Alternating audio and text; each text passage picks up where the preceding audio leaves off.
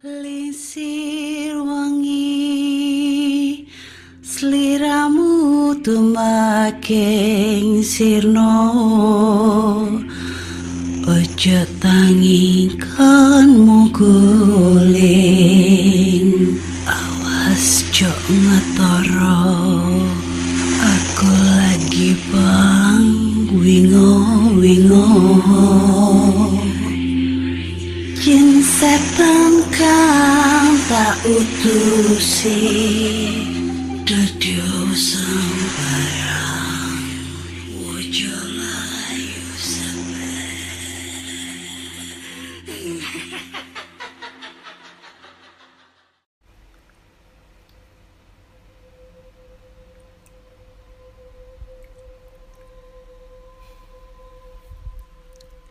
Assalamualaikum warahmatullahi wabarakatuh. Selamat datang di podcast kisah horor.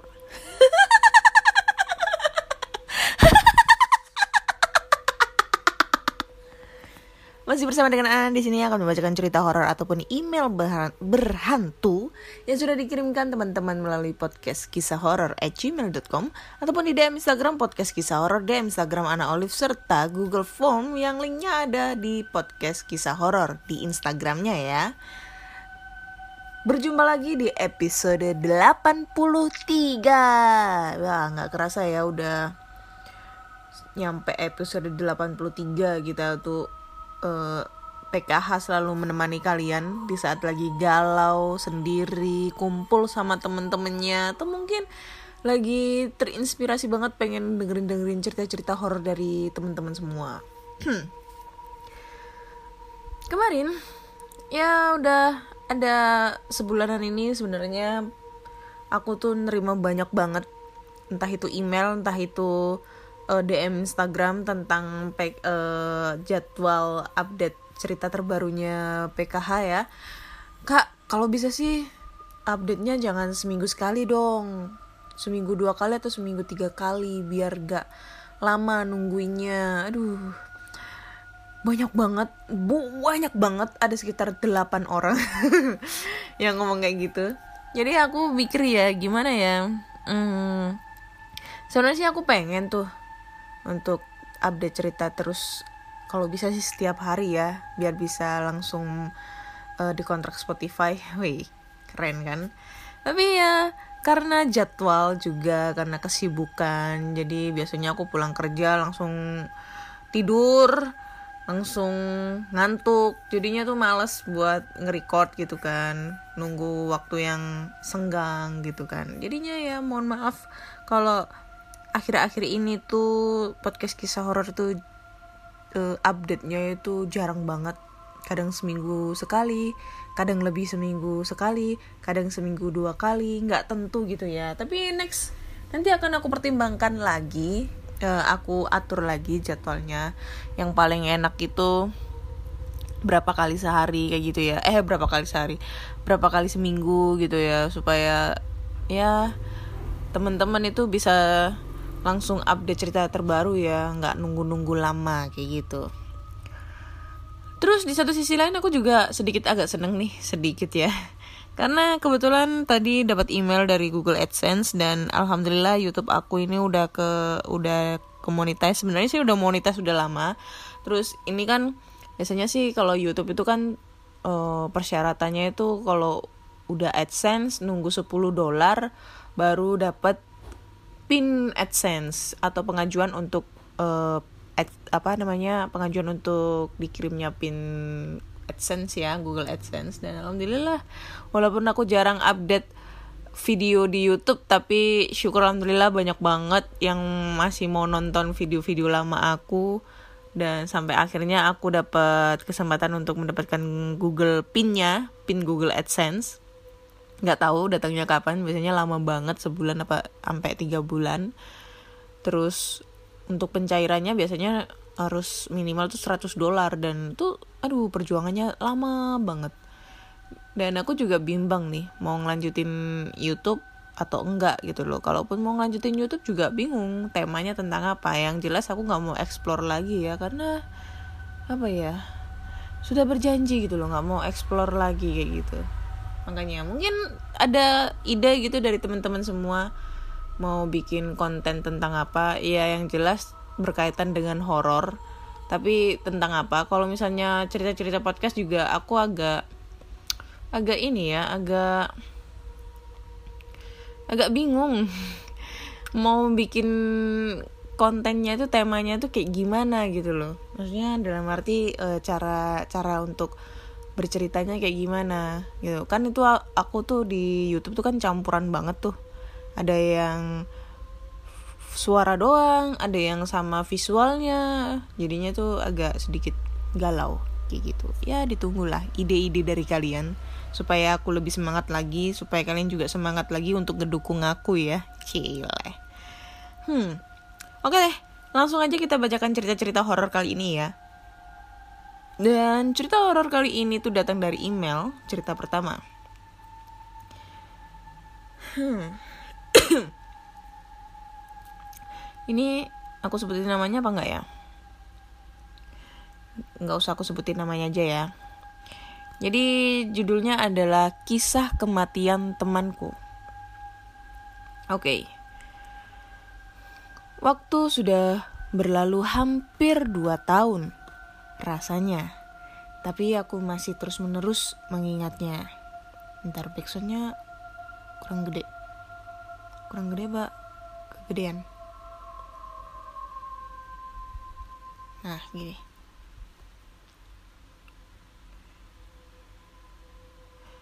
Dulu aku bekerja di sebuah perusahaan di Surabaya yang tepatnya di daerah Rungkut.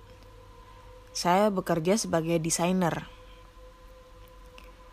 Hei, maaf ya pendengar, saya tidak mau menjelaskan lebih detail dengan perusahaan saya karena saya sendiri takut jika dia mendengar aku akan menjadi giliran uh, jadi korban seperti temanku.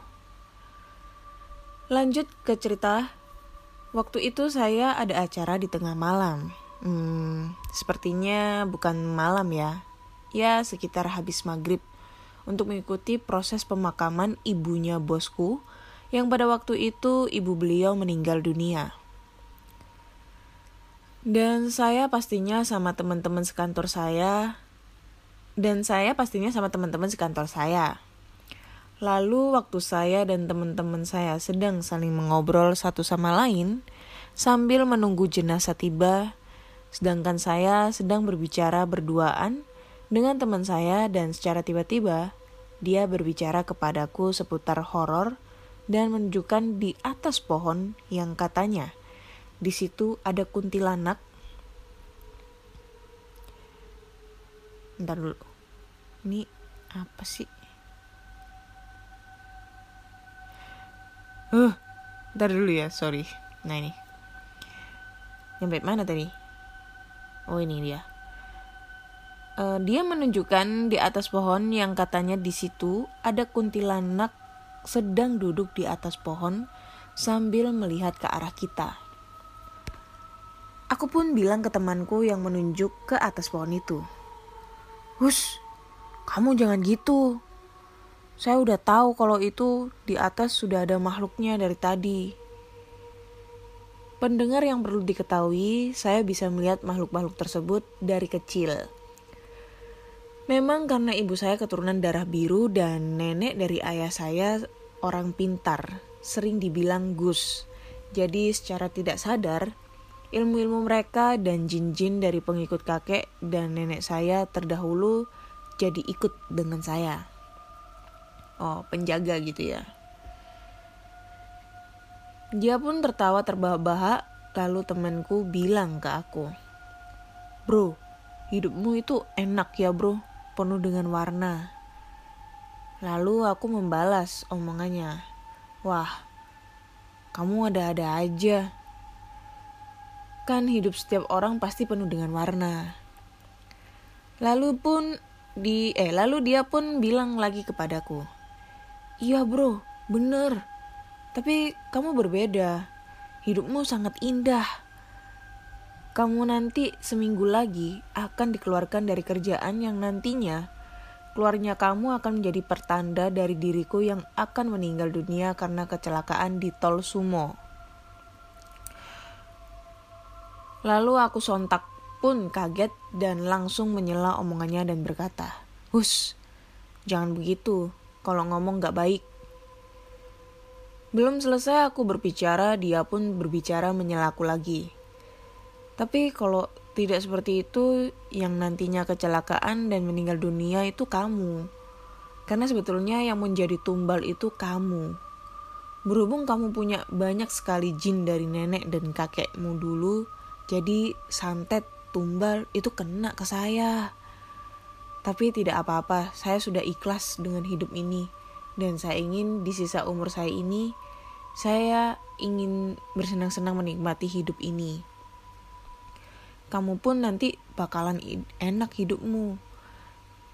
Walau dikeluarkan dari pekerjaan, kamu akan mendapatkan pekerjaan lagi dengan sangat cepat sekitar empat hari.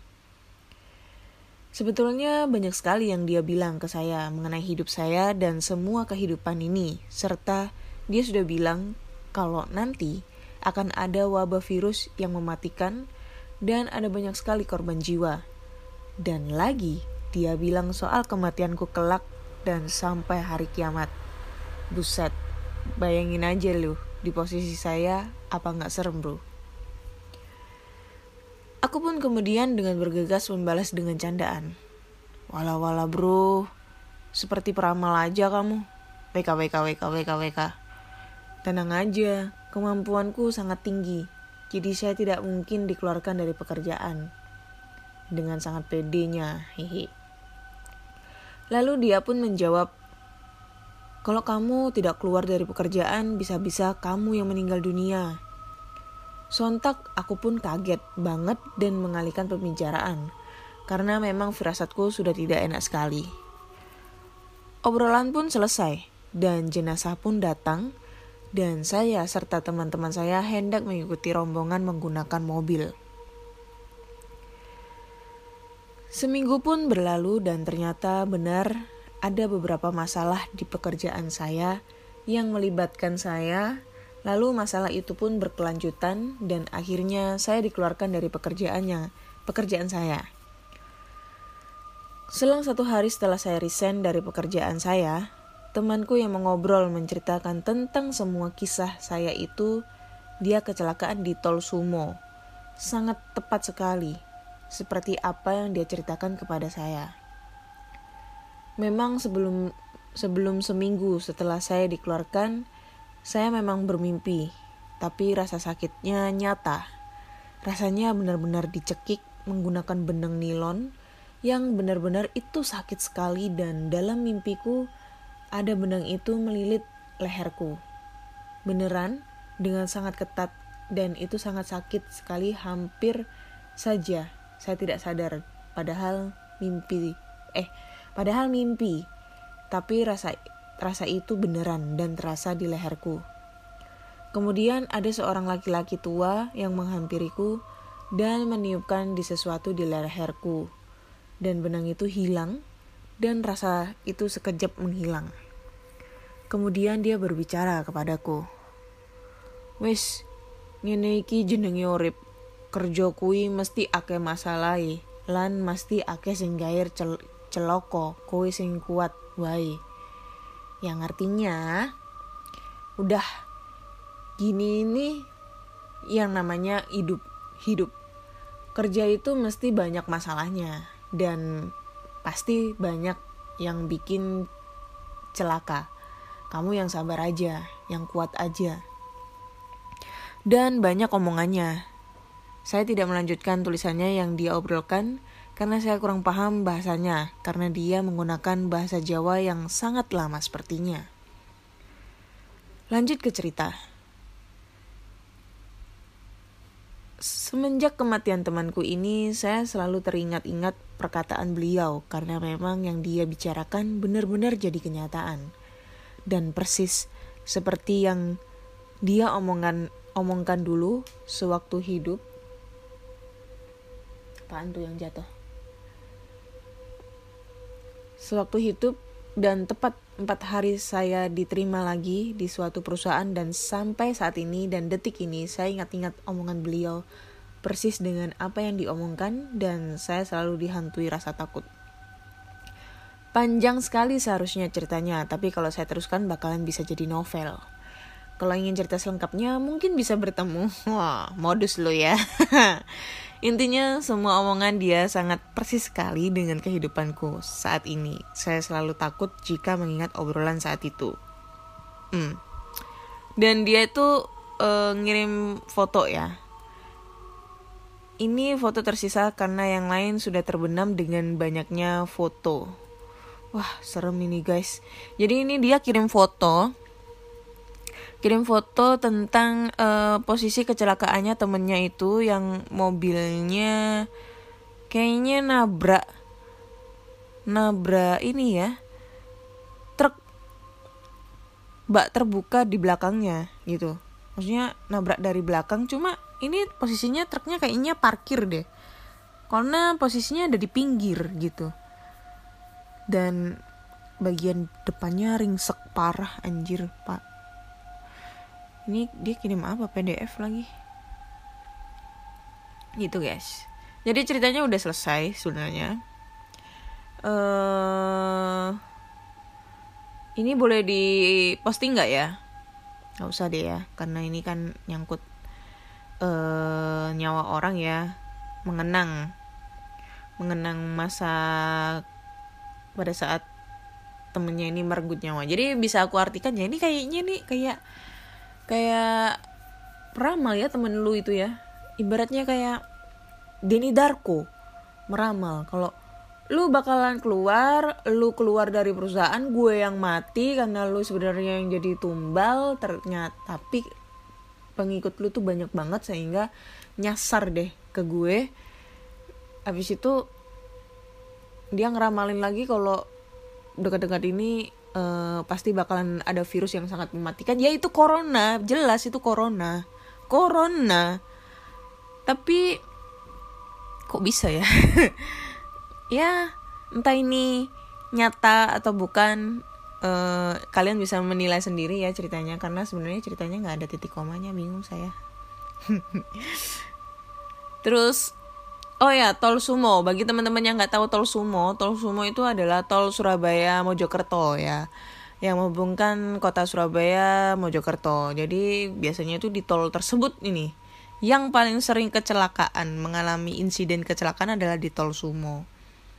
Ya nggak tahu ya.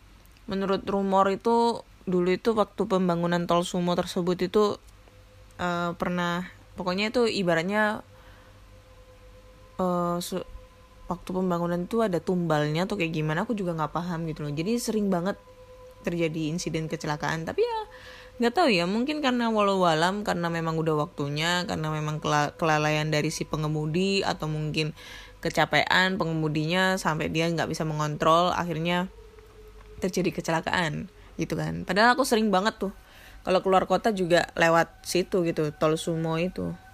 Tapi ya tetap buat kalian semua yang berkendara entah itu bermotor bermobil bersepeda apa pun itu hati-hati stay safe. Kalau ngantuk itu jangan dipaksain nyetir mending ke rest area berhenti sejenak uh, minum gitu kan atau makan dulu. Jangan dipaksakan untuk nyetir. Terus jangan lupa pakai helm yang nyetir sabuk sabuk pengamannya dipakai walaupun aku nggak pernah pakai sabuk pengaman ya kan terus kalau yang bersepeda yang sukanya goes-goes juga harus patuhi peraturan lalu lintas. Kan sudah ada rutenya untuk goes jangan sampai mengganggu kendaraan lain gitu ya. Itu deh. Ini sebenarnya ada nih fotonya cuma kayaknya nggak usah deh aku posting karena ini nggak baik nggak baik gitu ya. Thank you buat ceritanya ya. Next kita lanjut ke cerita berikutnya ya. Hmm. Tol. Tol itu sering banget untuk uh, terjadi suatu insiden-insiden kecelakaan ya.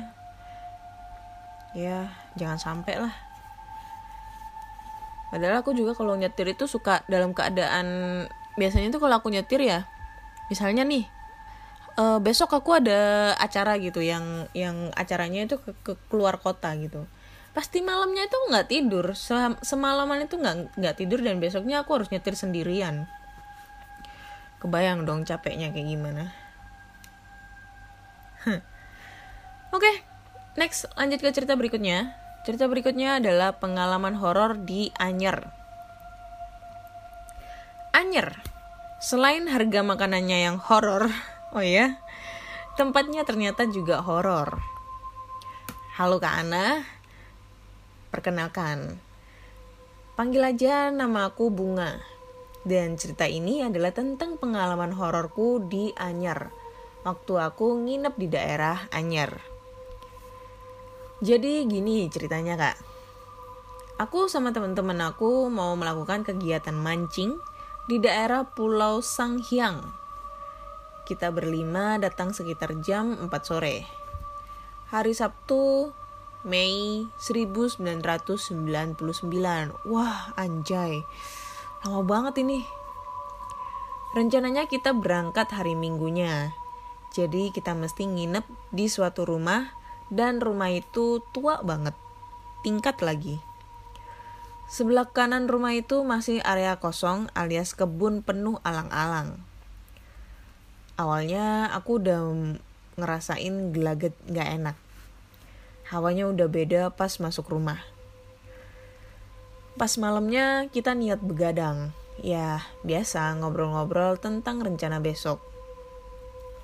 Tapi aku merasa udah ngantuk duluan.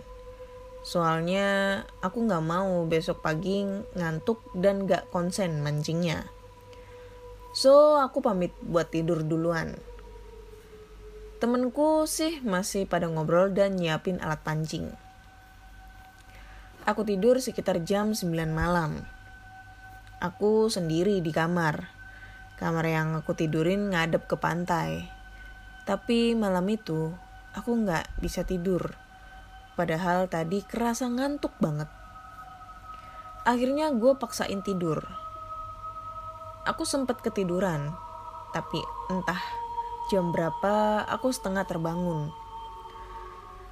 Posisiku miring ke kiri, dan aku ngeliat ada yang tidur di sampingku. Gak gitu jelas itu siapa. Soalnya badannya agak miring. Aku agak penasaran, pengen lihat siapa yang tidur di sebelahku. Pas hampir mukanya kelihatan, dia malah nengok ngadep ke aku. Mukanya gak jauh dari mukaku, matanya melotot, mukanya pucat. Aku kaget setengah mati gak bisa bergerak sama sekali. Gak bisa teriak, mata gak bisa melotot, uh, muka apa mata gak bisa dimeremin, seakan-akan aku dipaksa ngeliat dia. Aku coba baca-baca doa ayat kursi, dia malah ngikutin baca sampai akhirnya aku pingsan sampai besok pagi. Wah serem ini anjir. Aku dibangunin temen esok paginya. Dan malam itu temanku nggak tahu kalau aku pingsan. Dia kira lagi tidur. Akhirnya aku ceritain kejadian semalam ke teman-temanku. Temanku pada kaget. Terus kata penjaga rumahnya, emang tempat itu rada angker. Karena dulunya daerah itu kuburan para pejuang Indonesia waktu lawan Jepang. Oke, ceritanya udah selesai. Thank you Bunga buat ceritanya. Kak Bunga ya ini lebih tepatnya ya. Ini ceritanya lama banget. Kalau kejadiannya tahun 99. Apaan sih? Jatuh-jatuh. Jadi ini kejadiannya tahun 99 aku nggak ngerti ya di saat tahun 99 itu Kak Bunga ini usianya berapa entah itu udah SMA atau mungkin udah kuliah aku kan nggak nggak ngerti cuma pas waktu 99 ini aku masih SD kelas 3 gitu. Masih umur 9 tahun bro. 8 tahun bro. Ya 8 tahun. Masih bocil aku ya. Dan anyer emang horor ya di sana ya? Aku nggak tahu sih. Tepatnya di daerah Pulau Sanghyang. Pulau Sanghyang tapi ini serem banget nih seandainya kalau itu terjadi sama kita ya. Soalnya dulu itu sebelum sebelum insi, uh, masih masih zaman zaman kecil lah. Zaman kecil ya.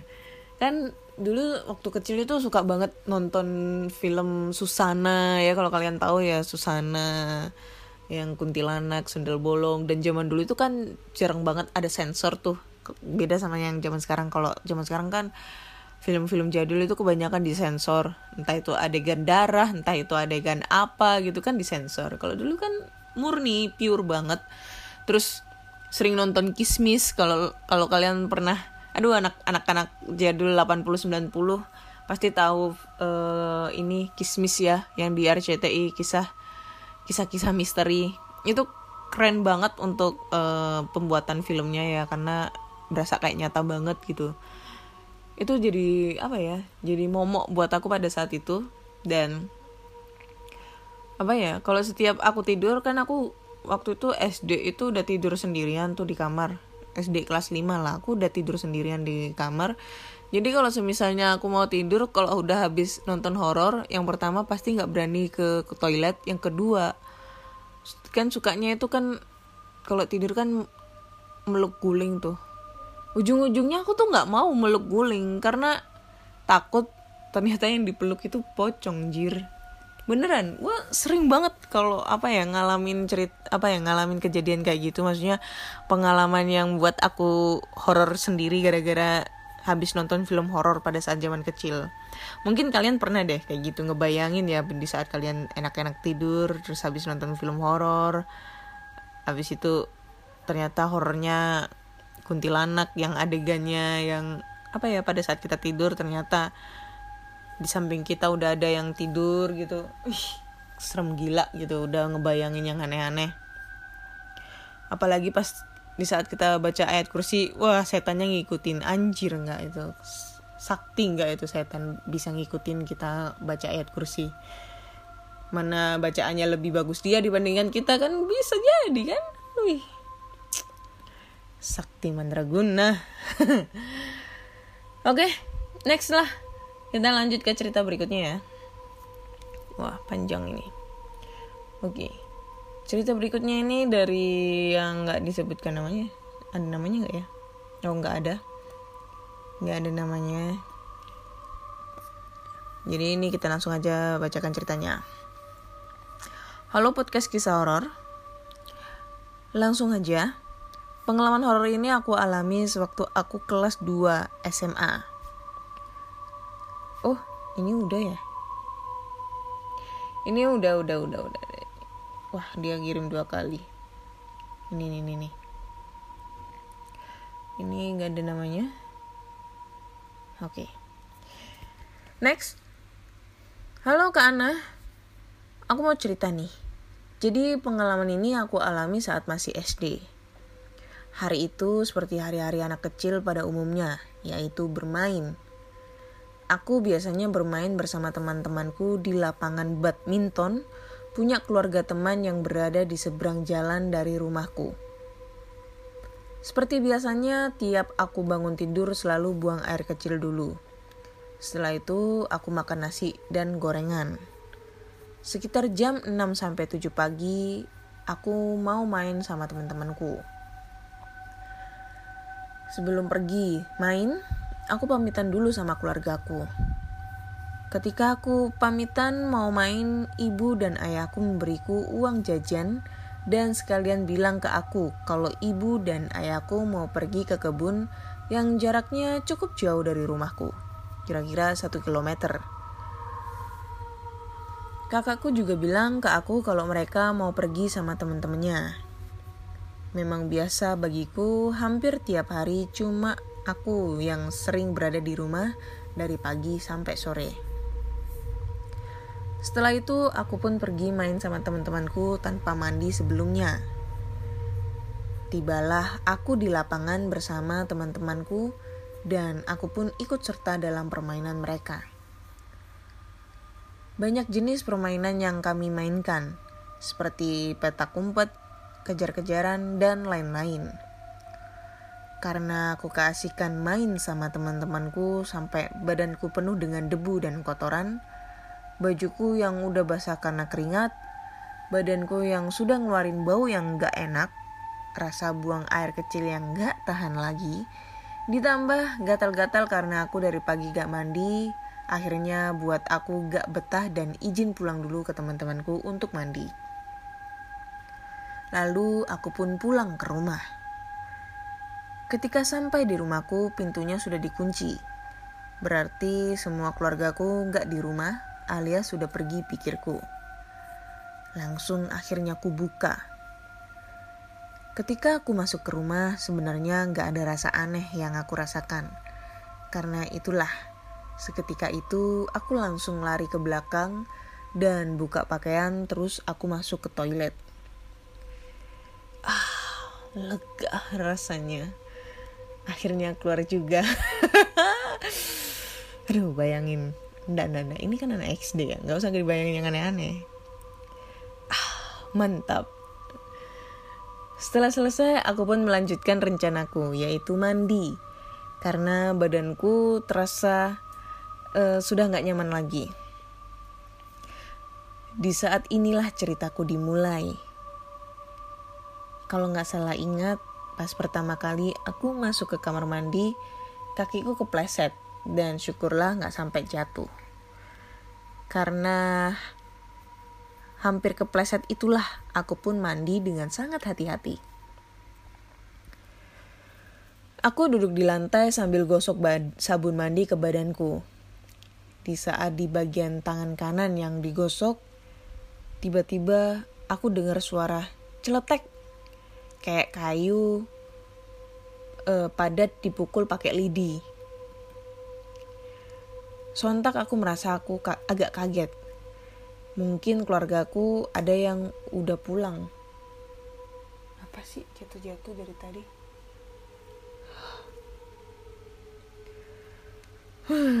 Nyampe mana tadi ya? Gila dari tadi ada suara jatuh-jatuh guys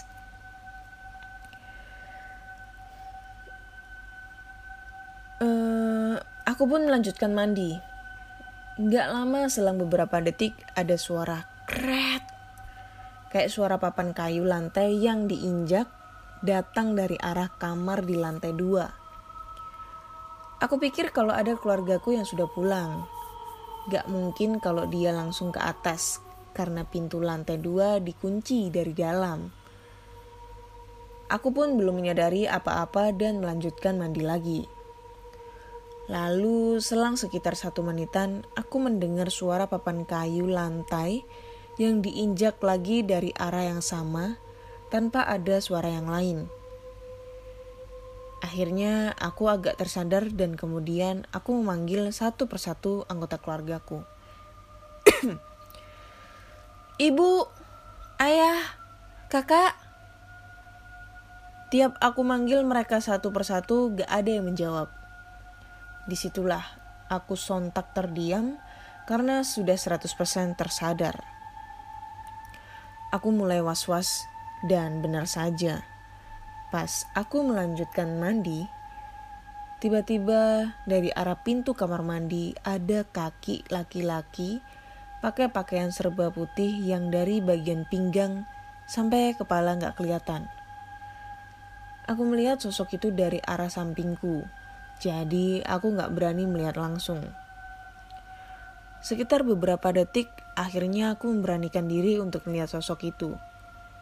Sontak, aku kaget melihat sosok itu mengambang dengan jarak sekitar satu telapak tangan.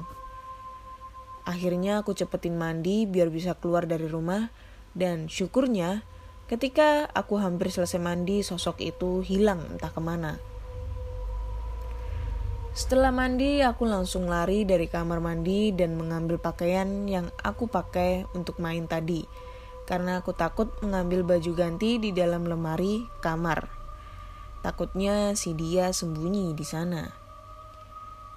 Di saat aku lari itu, sekalian aku pakai baju dan karena itulah aku hampir jatuh. Alhamdulillah aku keluar juga, saking masih takutnya rumahku nggak aku kunci dan aku tinggalin main sama teman-temanku. Sekian cerita dari aku ke Ana. Mohon maaf kalau ceritanya kepanjangan dan nggak begitu serem. Oke, okay, thank you ceritanya ya. Ini sih menurutku lumayan ya, lumayan serem. Aduh, apa tadi? Hmm. Apa sih itu tadi? Banyak banget sih yang jatuh-jatuh.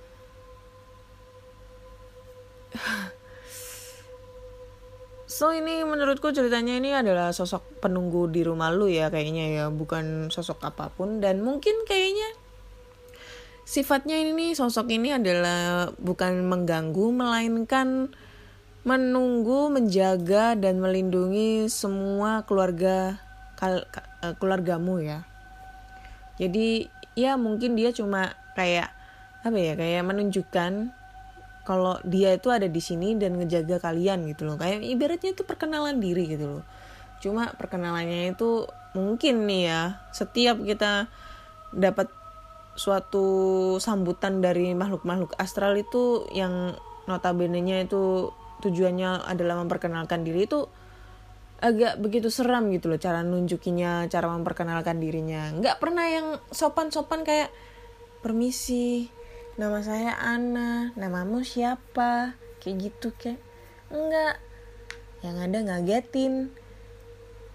Ngagetin nampakin sosok. Entah itu bunyi-bunyi entah itu ngeliat diliatin kaki diliatin kepala. Kan ya serem anjir. Gitu. Emang setan zaman sekarang itu kurang sopan santunnya gitu loh 2021 masa nggak ada sopan santunnya gitu setan. Oke deh kayaknya udah tiga cerita nih yang udah aku bacain. Udah ah, cukup sekian dulu lah ceritanya So, buat kalian semua yang ingin dibacakan ceritanya atau mungkin mau kirim-kirim cerita, berbagi cerita horor, kalian bisa langsung aja kirim cerita kalian ke podcast kisah horor at gmail.com ataupun di DM Instagram podcast kisah horor, DM Instagram Ana Olive dan juga uh, Google Form yang linknya tersedia di Instagram podcast kisah horor. Jangan lupa klik tombol follow di Spotify agar kalian selalu update cerita-cerita horor terbaru. Dan jika kalian memang penasaran dengan video-video explore aku yang lama ya yang lama ya karena aku sekarang udah nggak pernah update lagi video-video baru di YouTube. Kalian bisa langsung aja mampir ke channel YouTube aku namanya podcast kisah horor karena udah aku ganti. Yang sebelumnya jadi Ana Olive sekarang aku ganti podcast kisah horor. Kalau kalian nggak tahu kalian langsung aja mampir ke channel eh ke channel ke Instagram aku podcast kisah horor. Di situ ada link tree kalian bisa klik aja link tree tersebut. Dan di situ ada tiga link yang mengantar kalian ke Google Form untuk berkirim, berkirim cerita ke channel YouTube podcast kisah horor dan uh, link menuju ke Spotify podcast kisah horor. Oke, okay, ditunggu cerita-cerita berikutnya dan nantikan di episode 84. Bye.